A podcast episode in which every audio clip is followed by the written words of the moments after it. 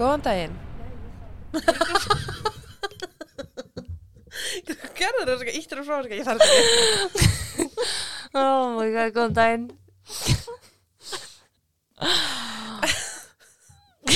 Það er spennt bara að sitja og hlusta. Góðan daginn Góðan daginn. og verið velkomin í Mórskurinn. Takk að fyrir. Ég heiti Þórdís. Ég heiti Jóhanna. Sorry, Jóhanna. Ókjör hlána með mér. Og rétt árinu byrja, þá ætla ég að minna á afslátukóðun okkar hjá Scrub Daddy Mm -hmm. með kóðunum Mórskurinn. Það fóði 20% afslátt af öllum vörum inn á scrubdaddyisland.is. Mikið rétt. Og ég ætla bara að vinda með í máli. Já. En við erum komin til Texas og þar bjó Dón fjölskyldan í Pampa en semst á mjög afskektum bóndabæ með tölverta landi. Ok.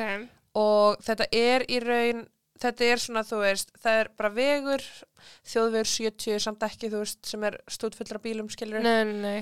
Og svo, þú veist, er bara svona innkessla að húsinu þeirra. Ok. Um, og svo bara risastórt land. Mm Þau áttu mikið að dýrum uh, og það var bara í raun þeirra ástriða að vera bóndar. Ok. Frábært. Já. Þau voru mjög ástrygg fjölskylda og stóð, samastóð fjölskyldan af 35 ára Michelle, 31 árs Brian og börnum Michelle, 14 ára Zack og 10 ára Robin. Ok. Þau áttu einni fjölskylduhundin Molly sem að bara allir dyrku og það var bara eitthvað geðvitt krútleg kósi fjölskylda. Já. Brian starfaði að sjálfsögðu sem bóndi og á þessum tímpúti var Michelle komin sex mánuði á leið. Þetta var svona fjölskylda sem allir þekktu alla, í búðinni, vissu hver allir voru, veist, þetta var náttúrulega, Já. já. Lítið samfélag. Já, líka bara sérstaklega nágrana bíli, Já. þú veist. Um, það er í raun ekkert mikið fjalla um fjölskylduna per se, Mm. þannig að ég ætla bara að koma beint í þennan örlaríka dag. Ok. En þann 30. september árið 2005 þá var 10 ára Robin sofandi en hún var sagt með eitthvað martröð. Uh, henni var að dreyma illa og sagt, í hann að sofandi þessu ástandi þá heyrði hún byssuskott Já. Og þegar hún vaknaði þá átti hún sig á því að þetta var í raun ekki draumur eða martröð heldur var þetta raunveruleiki inni á Ah. heimilinu þeirra. Þetta var að gerast um 3.50 á morgni 30. september og nokkru klukkustundum síðar myndi neyðarlínni berast símtal frá akkurat þessu húsnæði. Á hinum endanum var lítil stúlka að ringja, hún hágrét og sagðist vilja fá móður sína. Ég ætli raun bara að spila upptökuna hér. Ok. Sheriff's Office, 911. Ma'am, there was a shootout in my house. Um, I don't know who's alive in my house, so I'm scared. Where are you at? Um, 7142 Highway 70. It's about 13.3 miles out from the bowling alley. What's your name? Robin Jones, my parents, um, Earl Conrad and Brian Conrad. I'm scared after this and I don't know what Robin to do. Jones? Yes, ma'am. Brian Conrad. My mom is alive. Okay, I'll stay on with you. I've got the ambulance and the fire departments coming too, okay? Thank you so much. They're coming. Stay there. You don't see any other vehicles or strange people around your home or anything? No, ma'am. You didn't see a car drive off of any kind? No, ma'am. You just heard the shots fired? Then I heard I saw the lights on so I'm assuming they stole some stuff. Okay, okay, I can't believe it. okay, okay, okay. And all I want right now my blanket and my pillow. I'm just I know you are. I'm scared. I know. cold. I know. Just stay right there if you want. I hear more sirens. Yes, they're coming. I'm sending. I've got the ambulance and the car coming for you. Okay. Oh, I want my mom. I know you do. I know. There. Yeah, I see another police car. Okay. Okay. That's Dennis. That's Dennis Elliott that's going to be there with you. Okay. En eins og heyrist í símtalinu að þá er lítil stúlka að ringja Mm vill fá móður sinna, veit ekki hvað er að gerast, segir að hafa verið skotbardagi á heimilinu og hún segir ég veit ekki hver á lífi húsinu mínu ég er hrætt og bara getið koma að aðstöða mig. Hvað er hún gömul? tíu ára, Ok. tíu ára gömul. Og upptakan er alveg oh, maður fær alveg svona svolítið illt. Mm. Þú veist, hún er alveg að segja, þú veist, bara ég bý hér, það, það er bara við þjóðveg 70, fóldrar mínir eru bara þetta, þetta, þetta, þú veist, og er, hún er bara rosalega svona Skýr. mjög skýr, segir við meðal annars eins og heyrist, þá segir hún að hann langi bara að fá teppi sitt og kotta sinn og hún er bara, hún e, veit ekki alveg hvað hún á að gera en þú er náttúrulega ekki að reyfa sig um. Mm Og svo náttúrulega skyndilega kemur lauruglan og það heyrist í símtalinu þegar lauruglan er að mæta vettvang. Já. Tjat, aðstof lauruglustjóri, var í raun sá fyrsti til þess að mæta vettvang og hann sagðist ekki geta komið nóg hratt á stað sama hversu hratt hann óg. Hann var bara tíu ára stúlka að ringja, við verðum að Mhm. drífa okkur. Já. Þegar hann mætti á staðinn þá sá hann litlu stelpuna fyrir utan heimilið og hann vissi strax að þetta var hún sem hafði hringt á neðlínuna. Hann fór út úr bílnum og á sama augnabliki þá hljóp hún eins hratt unga til hans og gaf hann faðmlag. Hann let hann að vita að hún væri nú örug og enda á því að setja hann aftur í bíli sinn og læsti hurðinni vegna þess að hann þyrfti jú að fara aftur inn í húsið til að aðtuga með vettfangin, Já. skoða hvað þið gengi á og sérstaklega aðtuga hvort það væri árásamæður á staðnum. Mm Robin satt út í bíl á meðan og beigði eftir því að fjölskylda sín myndi ganga út. En það gerist aldrei. Það sem að lauruglan tók eftir er að einhver þvingaði sér leið inn uh, um hurðina austan megin sem var svona eins og bakdyr á húsinu. Það virðist vera sem að hurðina hafi verið sparkað upp og það voru einnig skotilki allstar inn á heimilinu en þeim var það fyllilega ljóst að morðingin var ekki lengur á staðnum. mm. Því miður hafði engin annar lifað af. En Molly. Nei, hún heitir Robin, hundurinn hétt Molly. Já, ég er að spyrja Ó! hvernig að lifa af. Hundurinn lifði ekki af. Mm. Ég var líka bara eitthvað, erstu með heila það? Fyrir utan heimilið fundist nokkur fótspor í leðjunni, auk þess að það var far eftir dekk sem að tilherði ekki aukutæki fjölskyldunar og það eina sem þeir töldu á þessum tímpundi væri að þetta hafi í raun ekki verið innbrot sem að fóra úrskeiðis eða Mm. rán vegna þess að vantaði ekkert inn á heimilið og það var ekkert tekið. Nei. Robin sagði lauruglunni að daginn áður hafi hún vaknað 29. september og pappinar, sérst Brian stjúpappi, hafi útbúið morgumat fyrir hana sem var uppáhaldið hennar, pönnukökur. Hún fór síðan í skólan og eftir skóla var hún með mömmu sinni sem var að versla meðgöngufött en þær höfðu bara skemmt sér vel saman. Oh my god, hún var náttúrulega gengin sex mánu leið. Já. Fjölskyldan átti venjulegt kvöld og þau sopnuðu öll í sikkuru herbygginu sem að Robin hafi sagt lauruglumönnum uh, að hún hafi verið í þessu tiltegna herbyggi þegar hún vaknaði við þessa martröð, er hún Mhm. helt. En þegar hún átti þess á því að byssuskotin voru að koma frá heimilinu þá byrjaði hún líka að heyra í móðu sinna öskra og það voru raun bara stanslaus öskur hér og þar þar til að skotluðan heyrðust og allt þagði skyndilega. Robin hafði stokkið upp á rúminu og Kurtsi nálat hurðinni sem var ekki alveg lokuð en hún svona svolítið kraup þar og reyndi að hlusta á það sem var í gangi frammi og þegar hún heyrði einhvern koma þá tók hún stórstökki átt á rúminu sinum þar sem hún ætlaði að þykjast vera sofandi og þá næsta sem hún vissi er að hún heyrði þessi skot komi áttina að sér. Þessi skot ollu henni samt engum skada. Nei. Robin láði þarna og leti sem hún væri sofandi. Hún stóð svo upp og var að fylgjast með þegar morðingin fór inn í herbyggi bróðurinnar, kveikti ljósið og byrjaði að skjóta. Robin sagði að hún hafi heyrt í bróður sinum öskra í smástund og ekki lengur. Því næst hafði manneskjan farið inn í eldús og verið að róta í fylgta hlutum en svo bara allt í hennu hefði hún hægt að heyri honum. Okay. Hún vissi því ekki hvar skiptan var, hver það var eða hvað var í gangi og tíu ára Robin ákvað því bara að liggja kjur og láta þess að hún væri látin. Og þar lá hún í tvo og halvan tíma Oh af því hún var bara hrættum að hann myndi koma aftur. Þegar hún gati ekki leiði hann lengur uh, þá ákvað hún semst, að standa upp þrátt fyrir að hún vildi það ekki neitt en hún vildi aðtöða hvað var í gangi. Hún hljópi áttina heima símanum, uh, tók hann út úr húsinu og endaði að ringi neðlinna og það er þetta símtal sem ég spilaði. Dugleg samt. Rosa dugleg. Þegar lauruglumenn áttu þess á því að Robin væri eini eftirlifandi fjölskyldumæðlumurinn þá var tjat sendur til þess að vera með henni og hann byrjaði að spurja hvort hann geti gert eitthvað fyrir hana en það eina sem hann langaði til að fara og gera var að fara að gefa dýrunum að borða en það vildi hún gera bara eitthvað venjulegt Já. Þau tvö fóru því aftur heim í sveitina og fóðuruðu dýrin og á þeim tímpóndi var Robin svona svolítið að ná að taka sig út úr. Þú veist, hún vildi bara frið gefa dýrunum en svo skyndilega spurði hún þessa erfiðu spurningu sem allir hefur byggðið eftir og það var hvort að fjölskyldan hennar væri dáin. Ó, var ekki búin að segja neitt við hana. Nei. Tjad þurfti því að segja henni sannleikan.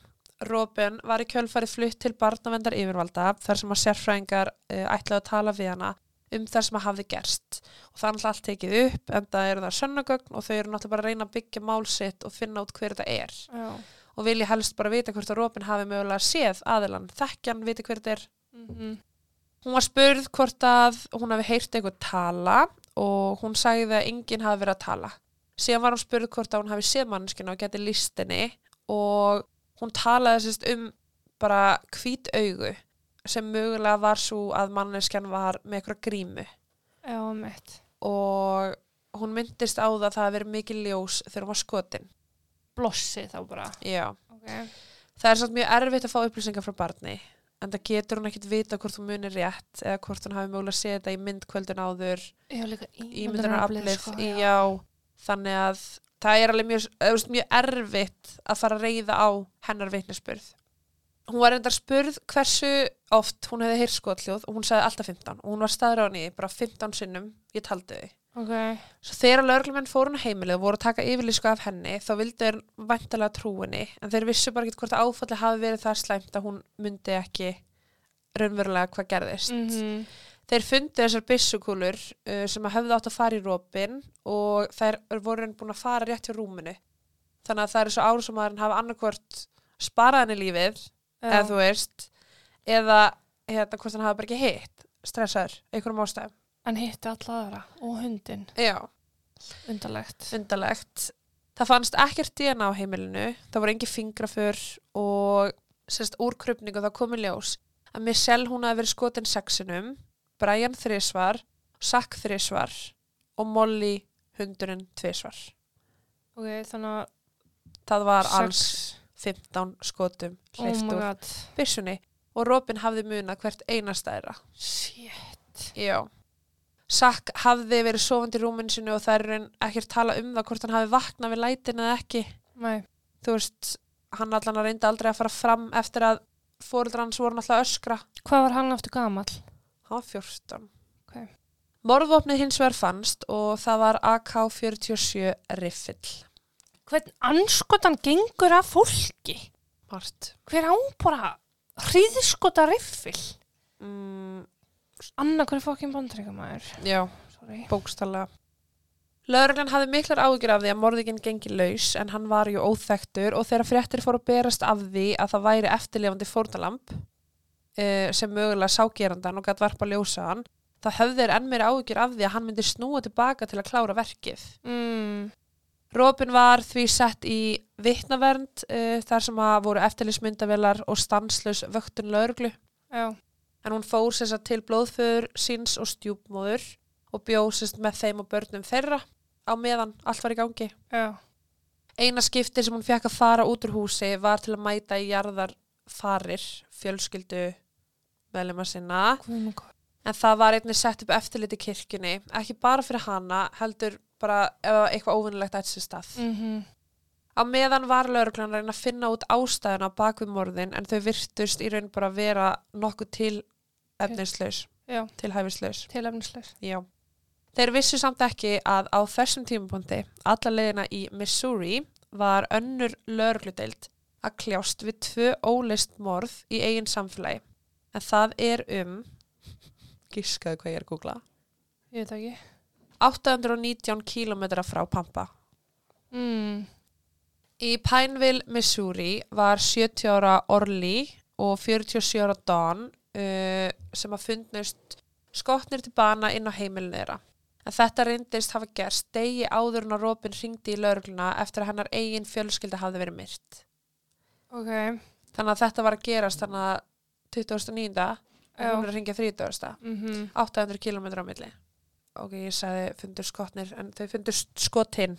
Dawn var í raun tengdadóttir Orli, en eiginmaður hennar hafði látist ekki löngu fyrir skot árásuna sem hafði átt sér stað. Ok. Þegar ættingar fundu Orli, þetta minnum við bara Orli Day. Oh my god.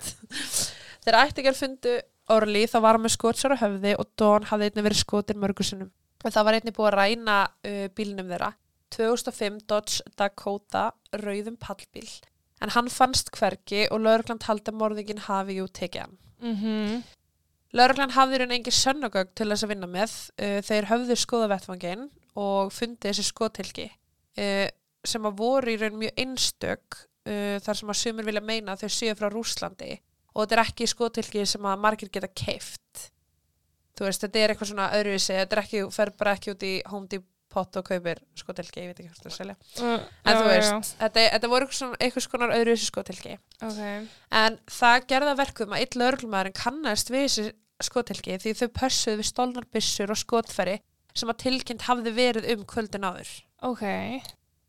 Sá sem að stál þessum skotfærum var samt sem áður ekki óþektur vegna þess að sá sem að hafði ringt og tilkynnt þetta rán sagði að það hafi í raun verið sónu sinn sem að kom og rændi þessu byssum. Ok. Þannig að pappin er að ringi lögreglun og segja herðu, sónu minn, hann rændi byssunum mínum Mhm. og skotilkynum mínum og eitthvað og svo allt í núna er þessi akkurat þessar sérstöku byssukúlur Mhm. hana frá Rúslandi byssukúluna sem var stólið Já, er hann notar í morði akkurat. og það var búið að tengja saman Jáp. Þannig að það var fadirinn Scott King sem að hjælti fram að 23 ára sonu sinn, Levi King, hafi brotist inn á heimilan saman meðan hann var í burtu og stólið þessum byssum. En heimili Scott var í götu fjarlæðar frá heimili McCool fjölskyldunar og hann var því bara mjög áhugaverður einstaklingur hjá lauruglunni akkurat þarna. McCool fjölskyldan í Missouri. Já. Með því að skoða fyrirlan sem kom í ljós að hann átti langan sakaferðala baki. Hann hafði verið sendur í fangelsi fyrir að hafa ráðist inn á heimili nákvæmna síns og kveikt í því en nákvæmnin lifði af og hann var einnig dæmdur í 14 ára fangelsi uh, og sendur á áfangaheimili Já. og það var 17 mánuðum síðar sérst eftir þetta Ok. fyrsta, já Viku fyrir morðið á Dawn og Orly þá hafði hann flúið frá áfangaheimilinu og var nú aftur á flótta eftir að hafa myrt tvær manneskjur, mögulega Já. og hann saknað sem að þýtti að hann gæti vel verið að gera eitthvað sem hann á ekki verið að gera. Mhm. Hann myndi reyndar finnast sama dag og Dawn morðin á sér stað en þá var hann við landamæri El Paso í Texas þar sem hann hafði verið að snúa aftur til bandaríkina frá Mexiko. En eftir að hann var farin inn í Mexiko var honum haldið og hann fluttur til Missouri til yfirheyslu.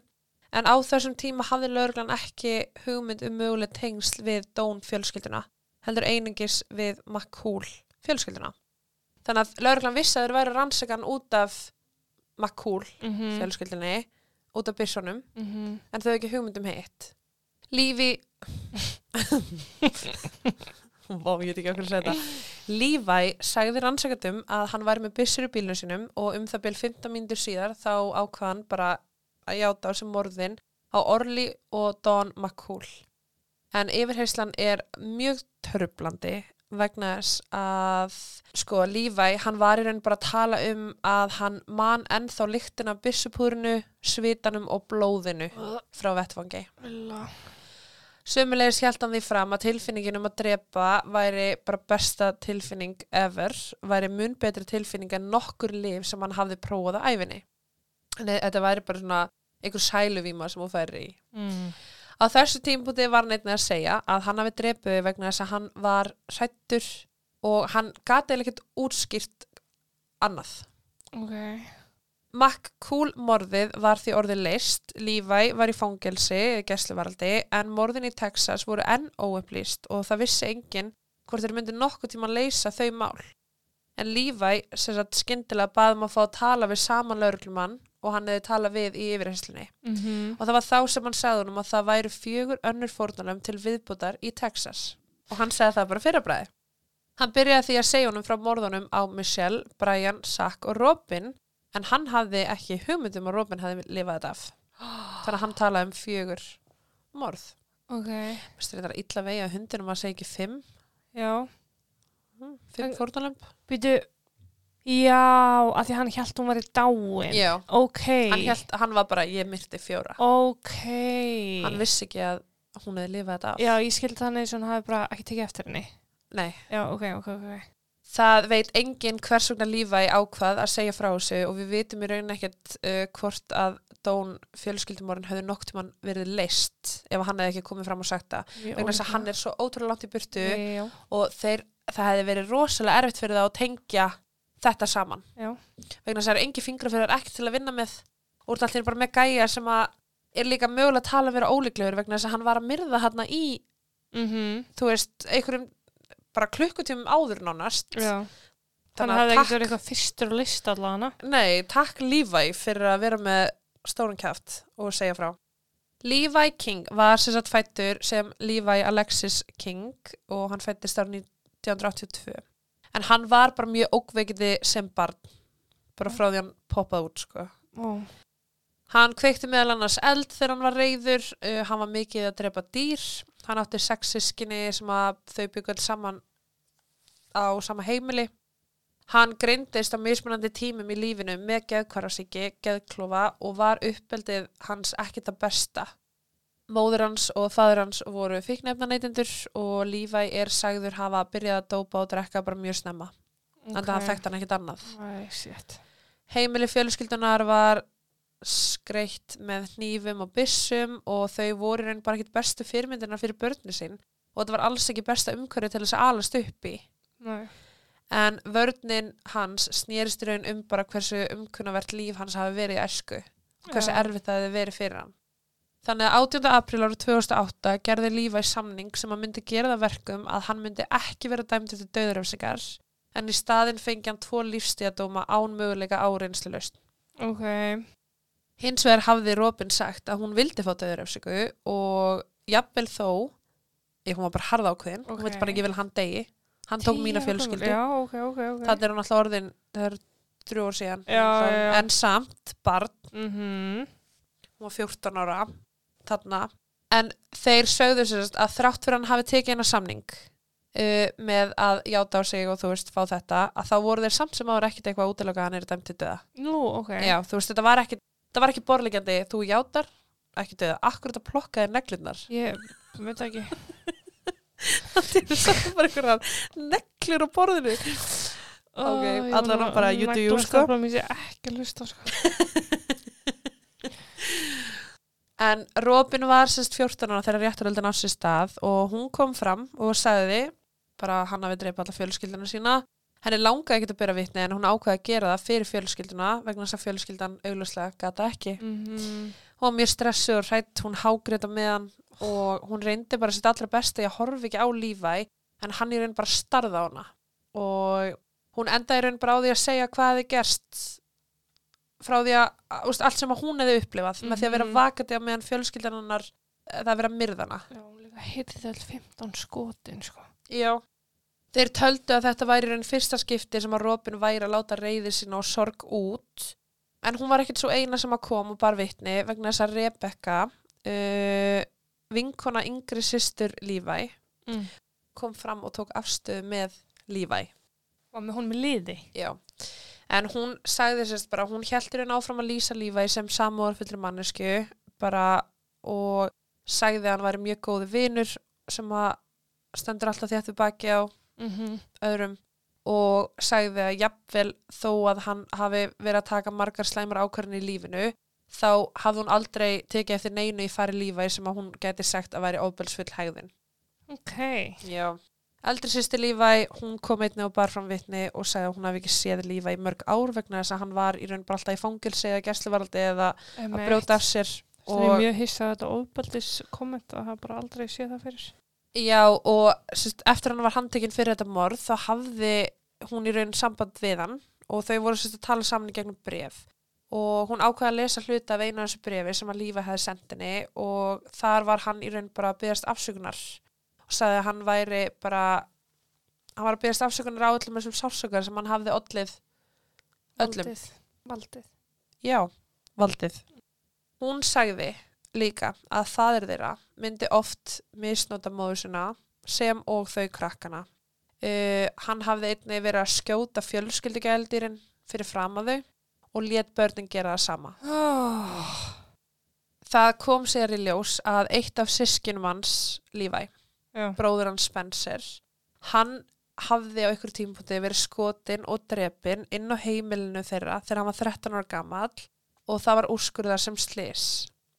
Bullshit. Jú, sko, vegna þess að vinur hans hafði verið með byssuna og skotið. En máli er að þeir hafði verið byssó, Já. faðir Levi, Mm. rétti vini hans byssu sem var hlaðin. Og hann hafi jú skotið, 13 Já. ára gamall. Þannig að þetta er slís, en hvað í anskotanum er að þeirra að rétta 13 ára barni hlaðina byssu til að fara í? Einmitt. Þú veist hvað er að fara að gerast, Já. hann er að fara að taka gikkin vegna þess að hann heldur þetta sé bara dót. Mm -hmm. það voru margir sem að bara komið fram einhvern veginn og vittnuðu um hennar hrylling sem að börnin hefði upplifað inn á þessu heimili. mm. Barnavend tók einnig afstöðu í málinu þeir uh, heldur fram að heimilisaðstæður hafi verið svo slæmar að yngri bræðinir voru okkur tímpúndi settur í fóstur. En ég er ekki vissum að lífa hafi nokkuð tíman verið sjálfur sendur í fóstur Mm. en fulltrú barnavendar taldi sér vita mikið um Lífæ. Já, og þessi fulltrú barnavendar nefndar sagði að hann vissi að Lífæ myndi verða aðbrutumæður uh, í seinni tíð út frá hvernig hann var að hegða sér sem barn. Shit. Þessi, og þetta er sko, þessi barnavendar nefnd er ekki að koma eftir morðin, heldur þau eru búin að vera á heimilinu, Mm. en bara var eiginlega ekkert gert. Það var bara bjargað yngstu tveim á ykkur tímbundi fóstur og svo eru þau komin aftur. Já, einmitt. Rannsakandur sögðu að þeir hafi fundið vísbendingar um að hann væri jú með geðkvara síki en hann var oftar en að tala við sjálfa sig og segja frá því að hann heyrði rattir. En það var samt ekki talið að hann væri ósakhæfur. Þann 7. oktober ár 2009, eftir 7 tíma, þá komst kviðdómur að niðurstöðu og var hann dæmdur í lífstíðafangelsi án möguleika áreynslust. Ok.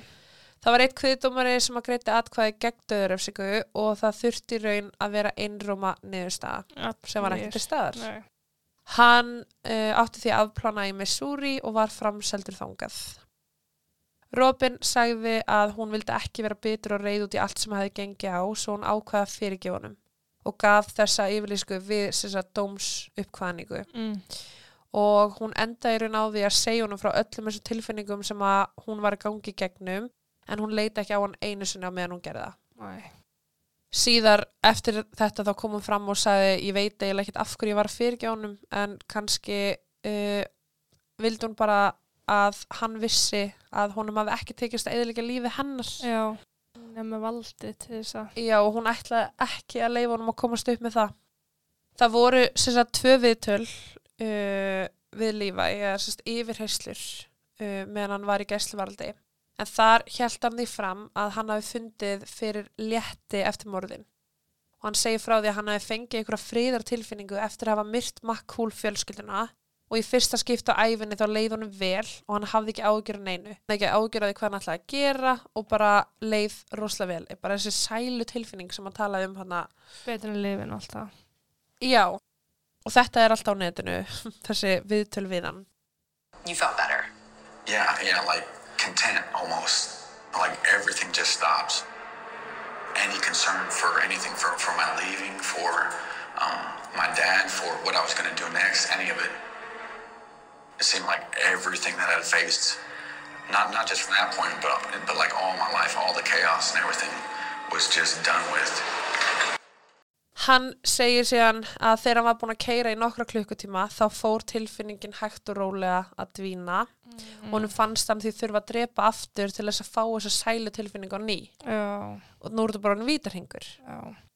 Í öðru viðtali tala hann um að á þessum degi hafa hann farið frá áfangaheimilinu til pappa síns en pappans vildi ekkert með hann hafa, sagði hann að fara af eigninni þannig að hann var reyður, fór og skemmti eitthvað, eitthvað á eigninni þeirra Mm. og stal þessum byssum af honum.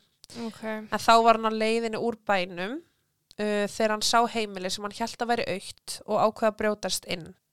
Hann sagði að honum hafi liðið mjög illa og þessi höfnun frá föður sínum hafi gert það að verkum að það bara kviknaði eitthvað innan með honum. Já. Hann heyrði Don og Orly koma heim svo hann faldi sig og beið og eftir að þau gengu inn þá gekk hann að þeim og skaut þau.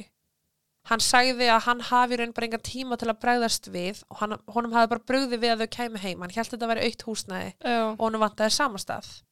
Hann sagði að þegar Don hafði komið og séðan þá endaði lífi á, lífæ á að skjóta hann í mjöðmuna þar sem að hann datt niður og skaut hann að stöðu til að gangur skuggum að hún væri látin. Hann tók síðan bílið þeirra og ók í burtu. En það var á þeim tíma sem að hann alltaf bara ók, ók, ók, ók, ók og sá heimilið Dón fjölskyldunar. En hann sagðist í raun bara vilja finna hennar frið aftur þannig að hann mætti þangað, sparka upp hurðinni og byrjaði strax að drepa þá sem að urða vegi hans.